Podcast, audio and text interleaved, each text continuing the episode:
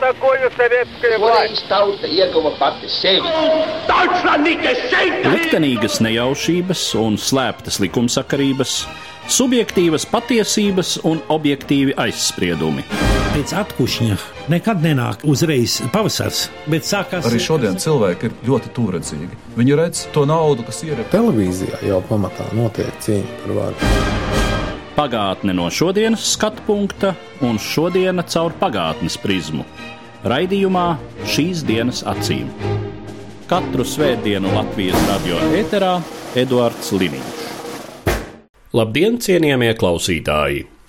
2009. gada 13. janvāris bija diena, kas nesa negaidītu un nepatīkamu pārsteigumu lielumu lielajai daļai Latvijas sabiedrības. Tās dienas pievakarē organizācijas sabiedrība citai politikai aicināti vairāki tūkstoši pulcējās uz mītiņu Doma laukumā. Pēc mītiņa beigām daļa sanākušo neizklīda, bet devās turpināt pie saimas nama, un šeit protesti pārauga nekārtībās. Tika izdauzīti saimas un apkārtējo namu logi, izdemolēta un aplaupīta alkohola tirgotavas milšu ielā, bojātas policijas mašīnas, kā demonstrantu tā kārtības sargu vidū bija ievainotie. Nekas tāds Rīgā nebija pieredzēts daudzas desmitgades. Kā laika gaitā mainījusies mūsu uztvere un izjūtas šo notikumu sakarā? Šodien piedāvāšu jūsu uzmanībai fragmentus no raidījuma šīs dienas acīm arhīva. Dažādos gados tapušas sarunas, kurās reflektējām par 2009. gada 13. janvāri. Viena nedēļa bija pagājusi pēc tā satraucošā vakara, kad sarunājos ar publicistu, politiķi, kādreizējo Latvijas Tautas frontes vadītāju Daini Īvānu. Pēc 13. janvāra, pēc tā, kas tur notika Doma laukumā, man vienā brīdī bija tāda sajūta, ka nu, tas svētais un tas skaistais, kas bija jau nu, cēlais, kura dēļ mēs dzīvojam, tas ir apgānīts ar šo 13. janvāri. Bet tas nojauts, man liekas, ka cilvēkiem ar politisko pieredzi man tā ir pietiekoši liela, jau bija kas varētu notikt. Un es šobrīd pat varu tā ar zināmu gandarījumu teikt, ka man izdevās dažs atrunāt neiet šo mītiņu. Un mans arguments bija tieši tas, Dievs nedod atraisīt pūļa instinktu, jo to var izraisīt ļoti viegli. Bet pēc tam sabiedrība atgriezt atkal tādā normālā, nestresa situācijā, izējas meklējumos. Atšķirības starp to, kas bija atmodas laikā un janvārī, un starp šo manifestāciju organizēšanu, bija, manuprāt, tāda nu, vieglprātība, tāda diezgan smaga bezatbildība. Aicinot cilvēkus un neapzinoties, ka viņi izaicina tautas, izaicina masas, kuras vadīt ir ārkārtīgi grūti, un tas nav tāds viegls darbs. Tad es gan atcerējos, kā tas notika. Mums ir saglabājies tikai tie skaistie mirkļi, kas mūs iedvesmo šodien, atceroties janvāru un atceroties tautas fronts pirmsākumus. Nevardarbīgais, bet ārkārtīgi spēcīgais uzvarošais gājiens. Un tad es atceros, ka rīkot šīs manifestācijas nevis 10 tūkstoši, bet 100 tūkstoši. Tas bija mazākais, un bija pat pusmiljons viena no manifestācijām, kad cilvēki sanāca. Mēs ārkārtīgi rūpīgi plānojām katru runātāju. Mēs mēģinājām prognozēt, ko viņš teiks. Tur arī bija vesela rinda runātāju, kuri rāvās pie vārda, un tad domājām, kādā veidā viņus nelaist pie vārda, tos, kurus mums likās varētu izbraucēt kaut mazāko vandālismu vai mazāko vardarbību šajās masās. Mēs ļoti daudz domājām par kārtību, jo visās manifestācijas vietās mūsu brīvprātīgā kārtības sarka, kas toreiz bija jau norganizējušies, sāka strādāt, sekoja, lai kaut kas nenotiktu. Nedomājieties, cik mums bija liela manifestācija, bet nevienā nebija vismazākā vandālisma gadījuma. Un ne jau tāpēc, ka varbūt tā tautas kvalitāte, kā dažreiz saka, toreiz bija labāka. Man liekas, ka tautas kvalitāte jau tomēr ir diezgan konstanta vienmēr, bet tāpēc, ka tas bija ārkārtīgi rūpīgi, atbildīgi pārdomāts. Protams, vēl viena lieta bija arī tas lielais mērķis, jo tomēr janvāra barikādas, kas Latviju kā labu piemēru atšķirībā no šī 13. janvāra parādīja pasaulē, jo mēs gribējām kaut ko labāku. Šobrīd tomēr vairāk ir noliegums un negatīvais, un tas pats sevi izraisa tādu spontānu cilvēku reakciju. Tas bija tautas fronts jubileja, ja, un, un vienkārši vērojot to, kas notiek, drusku laikam emocionāli atļāvos pateikt, ka nu, tā pērkamības pakāpe, kas ir uh, varā tagad, tā man nerada nekādas ilūzijas, ka ja par labu preci vai naudu, vai par ko, ko, ko viņi gatavi pārdoties, viņiem piedāvāt pārdot ar Latvijas neatkarību, viņi to mierīgi izdarītu. Jo es tā sāku šaubīties, nu, ja sanāk šie paši deputāti, ja, attiecīgos apstākļos, kad ir risks, kad tu neiegūsti neko no tā, ja, tikai zaudē, balsot par Latvijas neatkarībai, viņi nobalsot. Šādā ziņā varbūt mēs esam pienākuši līdz ļoti liktenīgai uh, līnijai. Es teiktu, ka tā situācijas kritiskumā šobrīd ir ļoti moderni runāt par krīzes radītajām iespējām. Bet tādā ziņā es arī uz to raugos ar zināmām cerībām, ka, jā, piekrītu. Ka jā. situācijas kritiskumā slēpjas arī zināms potenciāls. Tieši tas, ka sabiedrība tik ļoti šobrīd norobežojas no Latvijas politikas vispār, savā ziņā nu, rada iespējas cilvēkiem, kas varbūt stāv ārpus politikas pašreiz, kaut kā šo procesu būtiskāk ietekmēt. Nu, teorētiski jā, bet, um, ja atminamies tos laikus, pirms 20 gadiem, inteliģents stāvoklis bija krietni savādāks, negatīvāks, radošo izpausmu nozīmē, vārdu brīvības nozīmē, bet viņš ir pozitīvāks tās intelektuālās kopienas nozīmē. Šokējošākais brīdis, manuprāt, bija, ko varbūt kaut kā uzreiz neapzinājās cilvēki, bija tieši šīs iepriekšējās saimnes vēlēšanas, kas bija nu, tas briesmīgākais tajā bija mūsu kultūras domātāju pārstāvis sirsnīgā uzstāšanās, eh, aģitējot par vienu vai otru partiju, ko nu it kā nevarēja. Nedrīkstēja darīt, jo faktiski tādā veidā man liekas, ka šie cilvēki zaudēja tagad pēc tā visa, kas notika, kaut kāda daļa uzticības. Bet toreiz tas stāvoklis pat varbūt bija drūmāks kā tagad, tajā situācijā, kad mēs zaudējam cerības. Jo toreiz tomēr tās vēlēšanas bija izpausme kaut kādai aklai uzticībai aklai patērētāju atmodē, ka tev tāpat kā reklāma veiklā kaut ko iesmērē, nopēc pēc iespējas vairāk, tad tu nopēc pēc iespējas izdevīgāko partiju. Noticējuši skaistai patērēt atmodē. Mēs esam pielāgojušies tās standartiem, kas mūsu mājā ieved ļoti daudz skaistu, bet bieži vien nevajadzīgu krāmu, un tad mēs pēc šiem principiem arī balsojam un pēkšņi mēs redzam, ka tas krāms ir ne tikai nevajadzīgs, bet bīstams. Vismaz slikti smird. Jā, bet redz, tagad tomēr ir tā, ka cilvēki vairs akli netic. Un tas jau ir labi. Turpinājumā fragments no sarunas, kas notika četrus gadus pēc vecrīgas nekārtībām. 2013. gada 13. janvārī ar politoloģu un vēsturnieci Ilgu Kreitusi spriedām par liktenīgā 13. janvāra zīmi dažādu laiku Latvijas vēstures procesos, taiskaitā, protams, par pēdējo spilgto 13. janvāri. Ir zināms cilvēku procents, kuriem gribās vienkārši ārtīties. Un ieraugot situāciju, kad var, Viņi to izmanto, jo, saprotiet, tas ir tas pūļa efekts, kas darbojās, un ar to ir jārēķinās šādās situācijās. Un es domāju, ka 2009. gadā viena daļa bija šādi, kuri sekoja tam, kurš pirmais met akmeni. Jo, lai mestu akmeni saimas logā, tam akmenim bija jābūt rokā. Tāpēc es domāju, ka šeit bija kāds šis moments, kurām bija šis pirmais akmens rokā. Kas to organizē, kādā veidā ir grūti pateikt. Otra lieta - tādos tempos, kā tika iestikloti sājumas logi. Es esmu saimnes mājā strādājis, un es zinu arī to tehnisko pusi. Ziniet, tur ir nestandarta stikli. Un cilvēki noteikti zina, ka, ja mājās izsist stikls, to nevar divās, trijās stundās iestiklot vienkārši tāpēc, ka stikls jāpiegriež, jāatved un jānoliek. Tas arī radīja tādas pārdomas, kā tik ātri tas viss varēja pēc tam tikt pārorganizēts, iestiklots, izdarīts. Es negribu apvainot nevienu sazvērstībā, jo es nezinu faktus, bet, ja tā sāk analizēt, pārāk daudz nezināmā ir šajā procesā.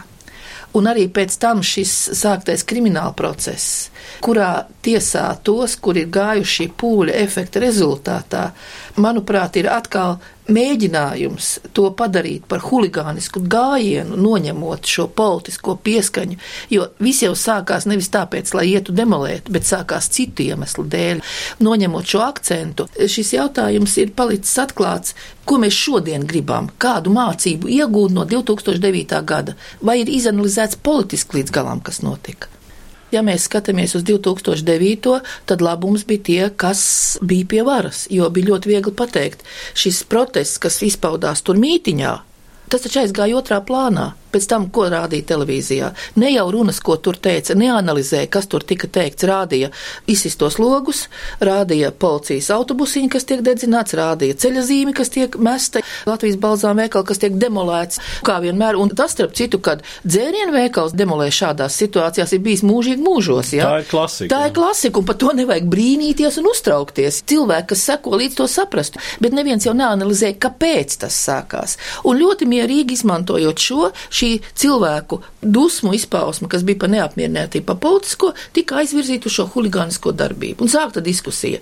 Tie bija huligāni vai tie nebija huligāni. Tie izteica protestu vai tie neizteica protestu. Vai drīkst tādā formā vai nedrīkst. Un politiskajā vidē viss nomierinājās un varēja mierīgi turpināt savu gaitu. Ja notiks kaut kas līdzīgs vēlreiz, lai kāds varētu mierīgi turpināt, nesatraucoties savu darbību, ko viņš veids tagad, kas ir daļēji izraisījis šos nemierus, tad man šķiet, ka politiskā ticība cilvēkiem, ka kaut kas varētu izmainīties, būs vēl vairāk sagrauta un ka Hazāna kunga nosauktajiem 450 tūkstošiem, kas manī rada jau klusas šausmas par aizbraukšanu, var turpināties pieaugt, nevis apstāties.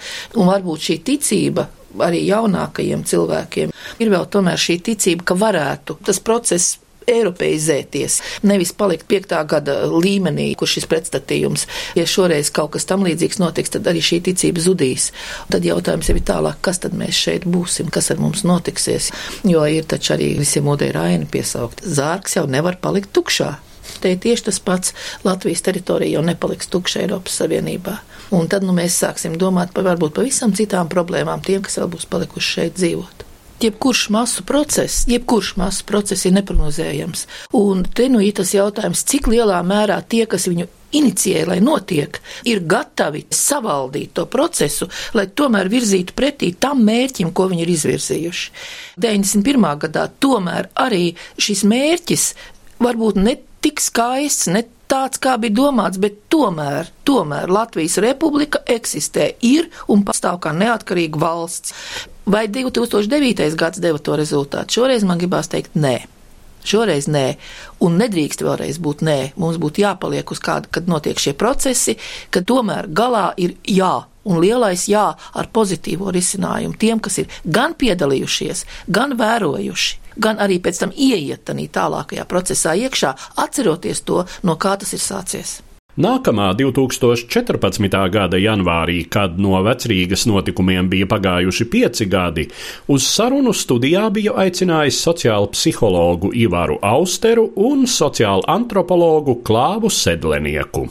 Ja mēs paskatāmies un uzdot jautājumus, vai 91. gada 13. janvārs vai toreiz izvirzītie mērķi ir šodien sasniegti, mēs droši vien varētu teikt vairāk vai mazāk jā. Vai, bet vai devītā gada? Nē, nē, jo labi, jā, jā, protams, protams. Atkal, bet... Jā, bet es domāju, ka mēs varam tomēr projicēt, ka toreiz bija kaut kāds garāks mērķis, mm. jā, un nopietnāks, un tās likmes bija diezgan augstas tad šī pēdējā notikuma likmes bija ļoti mazas uz tādu globālu mēroga. Nomainīt valdību, mazliet mainīt kursu, atlaist saimu. Tās ir šī brīža vajadzības.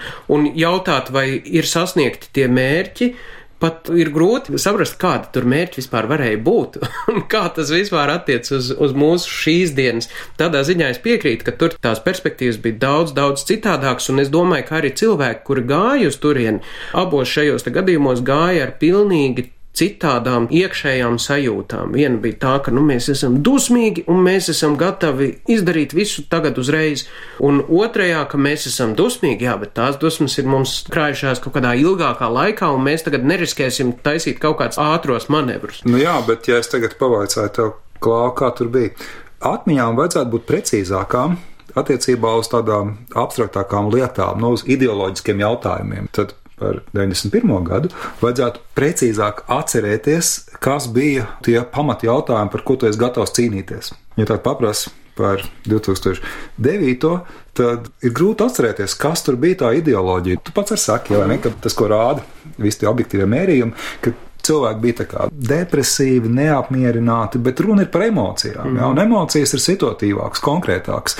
Bija jau jautājumi, kurus mēs risināsim atlaist saimu. Labi, nu, bet nu, tā nav ideoloģija. Ja? Tas ir īstermiņā kaut kāds taktisks manevrs, ar kuru tad vajadzētu sasniegt kaut ko tālāk, bet nu, tas jau, protams, trūk, jā, taisnība. Man arī šķiet, ka Ar to mērķu formulēšanu tobrīd bija kā bija.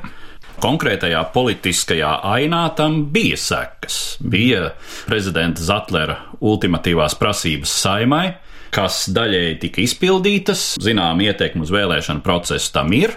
Es droši vien teiktu, ka pozitīva. No otras puses, rodas jau tas jautājums, vai mūsu politika un tad arī līdz ar to mūsu sabiedrība tiešām ir spējīga kaut ko būtiski mainīt šai procesā tikai tādu histērisku grūdienu rezultātā. Es riskēšu tā mazliet spekulatīvi teikt, es to saucu par sagadīšanos, kuru mēs varam varbūt nepareizi vērtēt ilgtermiņā, ja mērķis ir bijis īstermiņa. 2009. visas tās izmaiņas bija vairāk tāpēc, ka nu savādāk nevarēja, kam, protams, arī netieši sanāk ilgāks laika ziņā ietekmes spēks.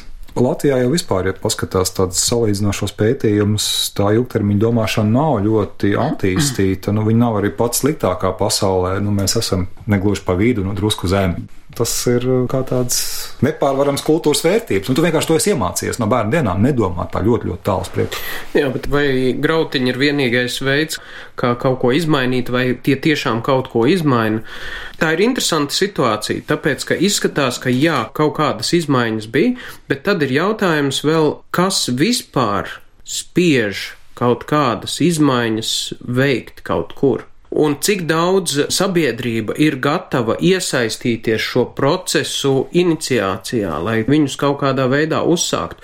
Un man tā izskatās, ka lielākajā daļā gadījumu sabiedrība ir ļoti, ļoti apātiska. Un tad ir kaut kādi īslaicīgi mirkļi, kuros pēkšņi cilvēki kaut kā sāktivizējas. Bet tie cilvēki, kuri sāktivizējas, vispār ir arī tāda minoritāte. Un te ir atkal otrs jautājums, kā tā minoritāšu neapmierinātība nonāk līdz dienas kārtībai. Šis bija viens no tādiem gadījumiem, kad tā dienas kārtība kaut kā tika iespaidota. Man šķiet, ka normāls cilvēks, domājot tādu aritmētisku vidēju, ja drīkst šādu piedauzīgu frāzi vispār teikt, un tad, lai tu mainītu savu dzīves modeli, tev ir jāredz pietiekami nozīmīga alternatīva, jo katras izmaiņas nozīmē arī varbūt aiz zaudējums. Tu salīdzini, ko tu zaudē, un tas pats pieticības zaudējums var šķist pārāk nopietns, ja tu neredzi alternatīvu, kurā tu iegūsi nu, kaut kādu nozīmīgi labāku dzīvi. Un no šāda viedokļa skatoties, skaidrs, ka tādi stihiski satricinājumi, nemieri, situācijas maiņa var būtisku lomu nospēlēt. Man šķiet, ka te ir viena interesanta iespējamība. Ir tā, ko tu arī teici, ka bieži vien neredz kaut kāds ilgtermiņa ieguvums. Un tad, kad tu neredz ilgtermiņa ieguvums, bet kad ir tā emocionālā situācija tāda, ka gribās kaut ko darīt, tu aizēji izdari, un tur veidojas kaut kas līdzīgs dumpim, īslaicīga enerģijas izpausme, pēc kuras nāk bieži vien bailes, nožēla, tu īsti nezini, kāpēc tu tur piedalījies, kauns, starp citu ļoti daudz runāja par kaunu pēc tiem grautiņiem, bet tam nesekoja ilgāka termiņa darbības. Mm -hmm. Un lai tās ilgāka termiņa darbības sekot, būtu jābūt tā, ka nākamajā rītā atmostoties un uzdodot sev jautājumu, kāpēc tu tai iesaistījies, ir jābūt kaut kādai atbildēji uz to, kas ir racionāli jau, kuras saka, jā, mēs to darījām tāpēc, lai sasniegtu kaut kādu mērķi.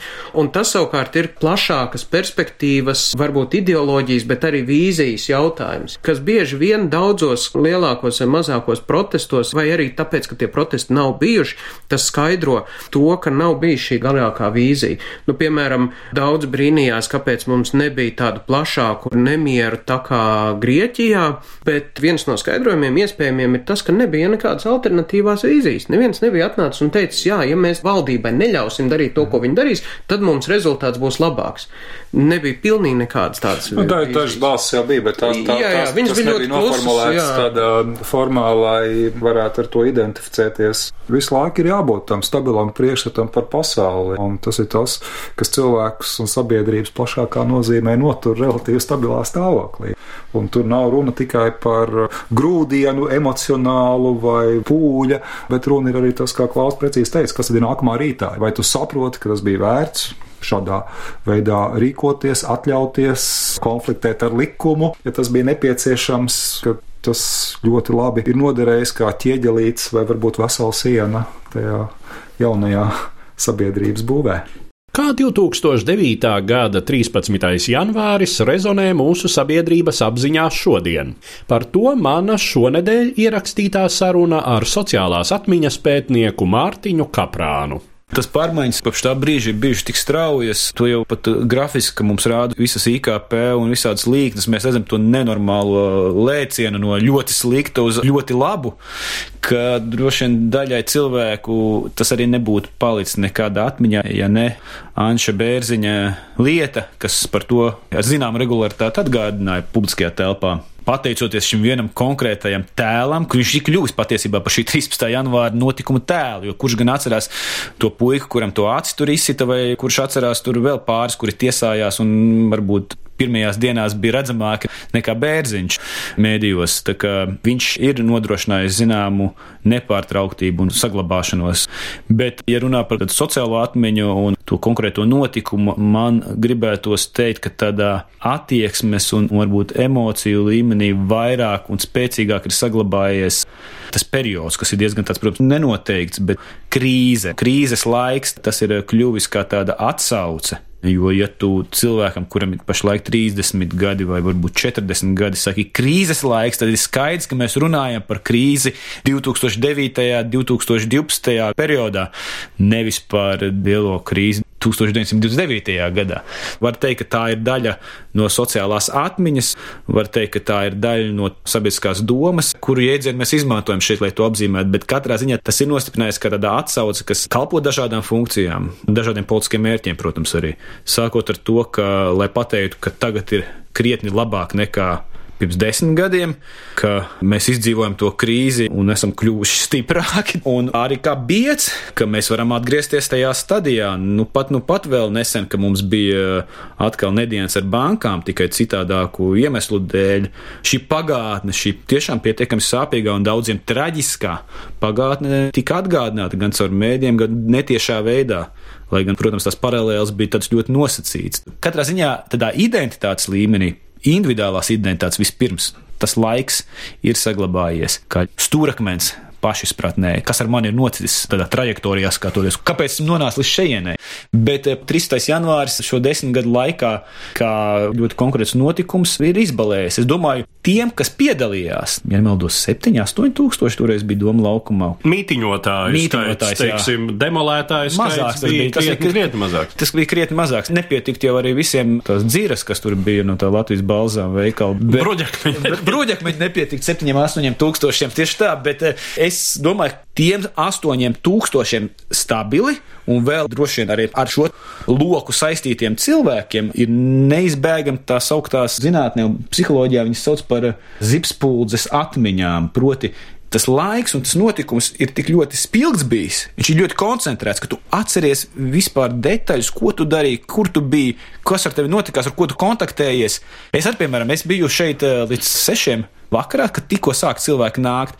Bet man bija tāda amizanta lieta, ka man bija teātris izrāde jaunajā Rīgas teātrī. Un amizanta tajā ziņā, ka izrāde bija, lai cik nu varētu būt kontrastā ar to, kas notikās Doma laukumā. Proti, bija toreiz tāda izrāde Fricis Bārda ambienta, kas nu, tāda ļoti meditatīva, mierīga izrāde. Un es nostījos kopā ar sievu to izrādi un laikam taksi izsaucu.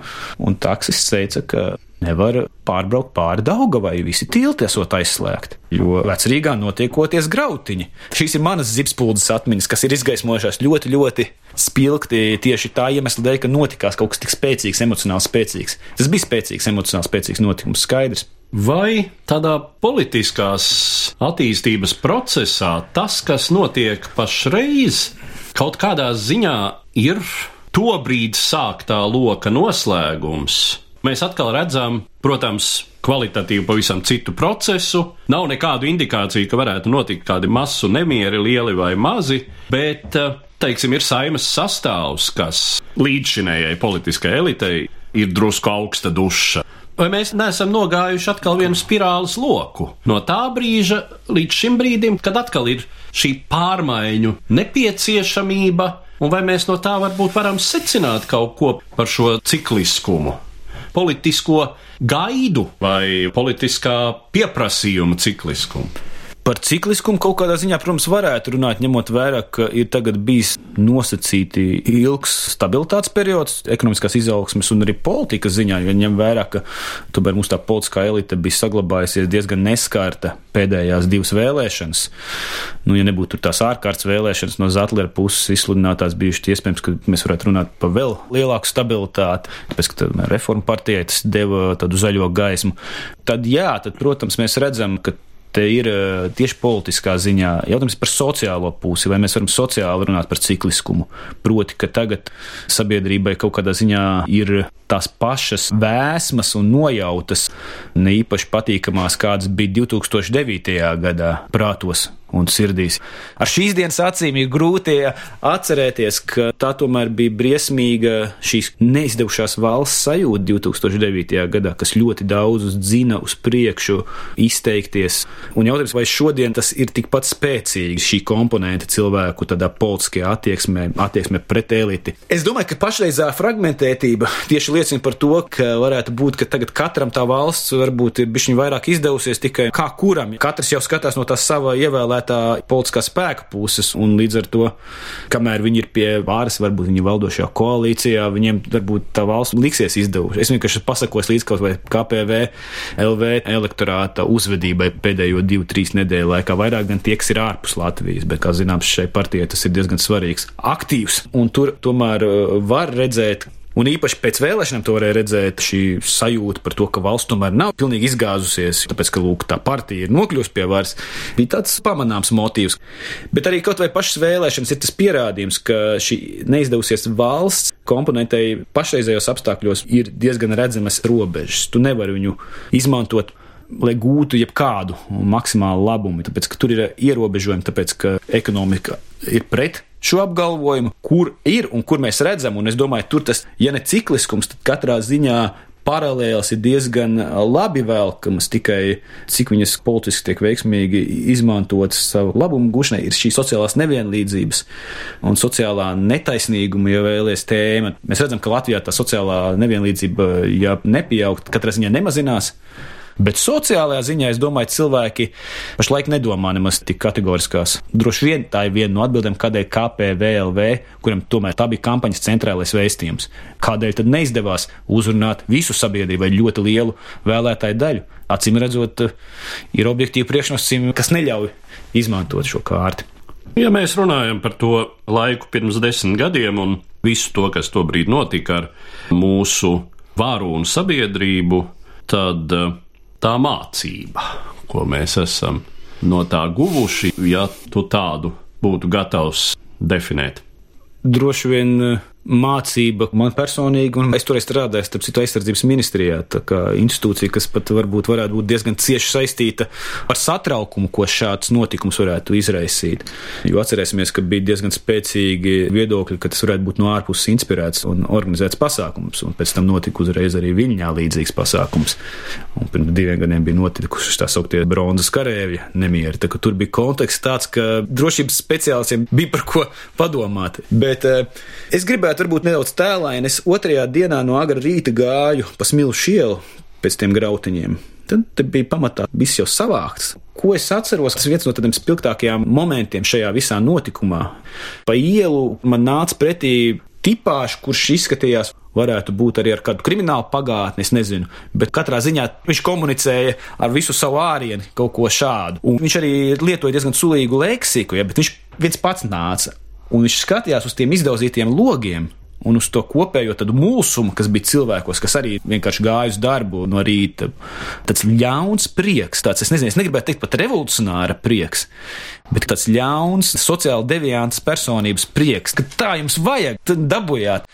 Tāds Šarikova prieks viņā iekšā sēdēja, un es domāju, šīs bailes kaut kur iekšēji ka tomēr kaut kas tāds var notikt, ka mums sabiedrībā ir daļa cilvēku, kas ir ļoti strauji mainīgos sociālo-ekonomiskos apstākļos, kuros var eh, pamodināt šādas šarikoviskas alkas, ka tās ir.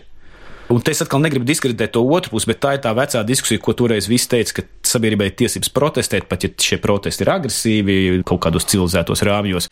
Tā ir viens cits stāsts, bet šeit es runāju par to, ka sabiedrībā ir eh, objektīvi eksistējošs šāds emocionāls stāvoklis, kuram vajag tikai piemeklēt cilvēkus, kuri sevi iemiesos šo. Un es šo iemiesojumu redzēju nākamajā rītā, un man tad diezgan neomulīgi toreiz palikās ap dušu, jo es domāju, ja es redzu apkārt, ka ir cilvēki, kas tā priecājas par destrukciju un ir gatavi droši vien eh, vēl vairāk visu destruktivizēt.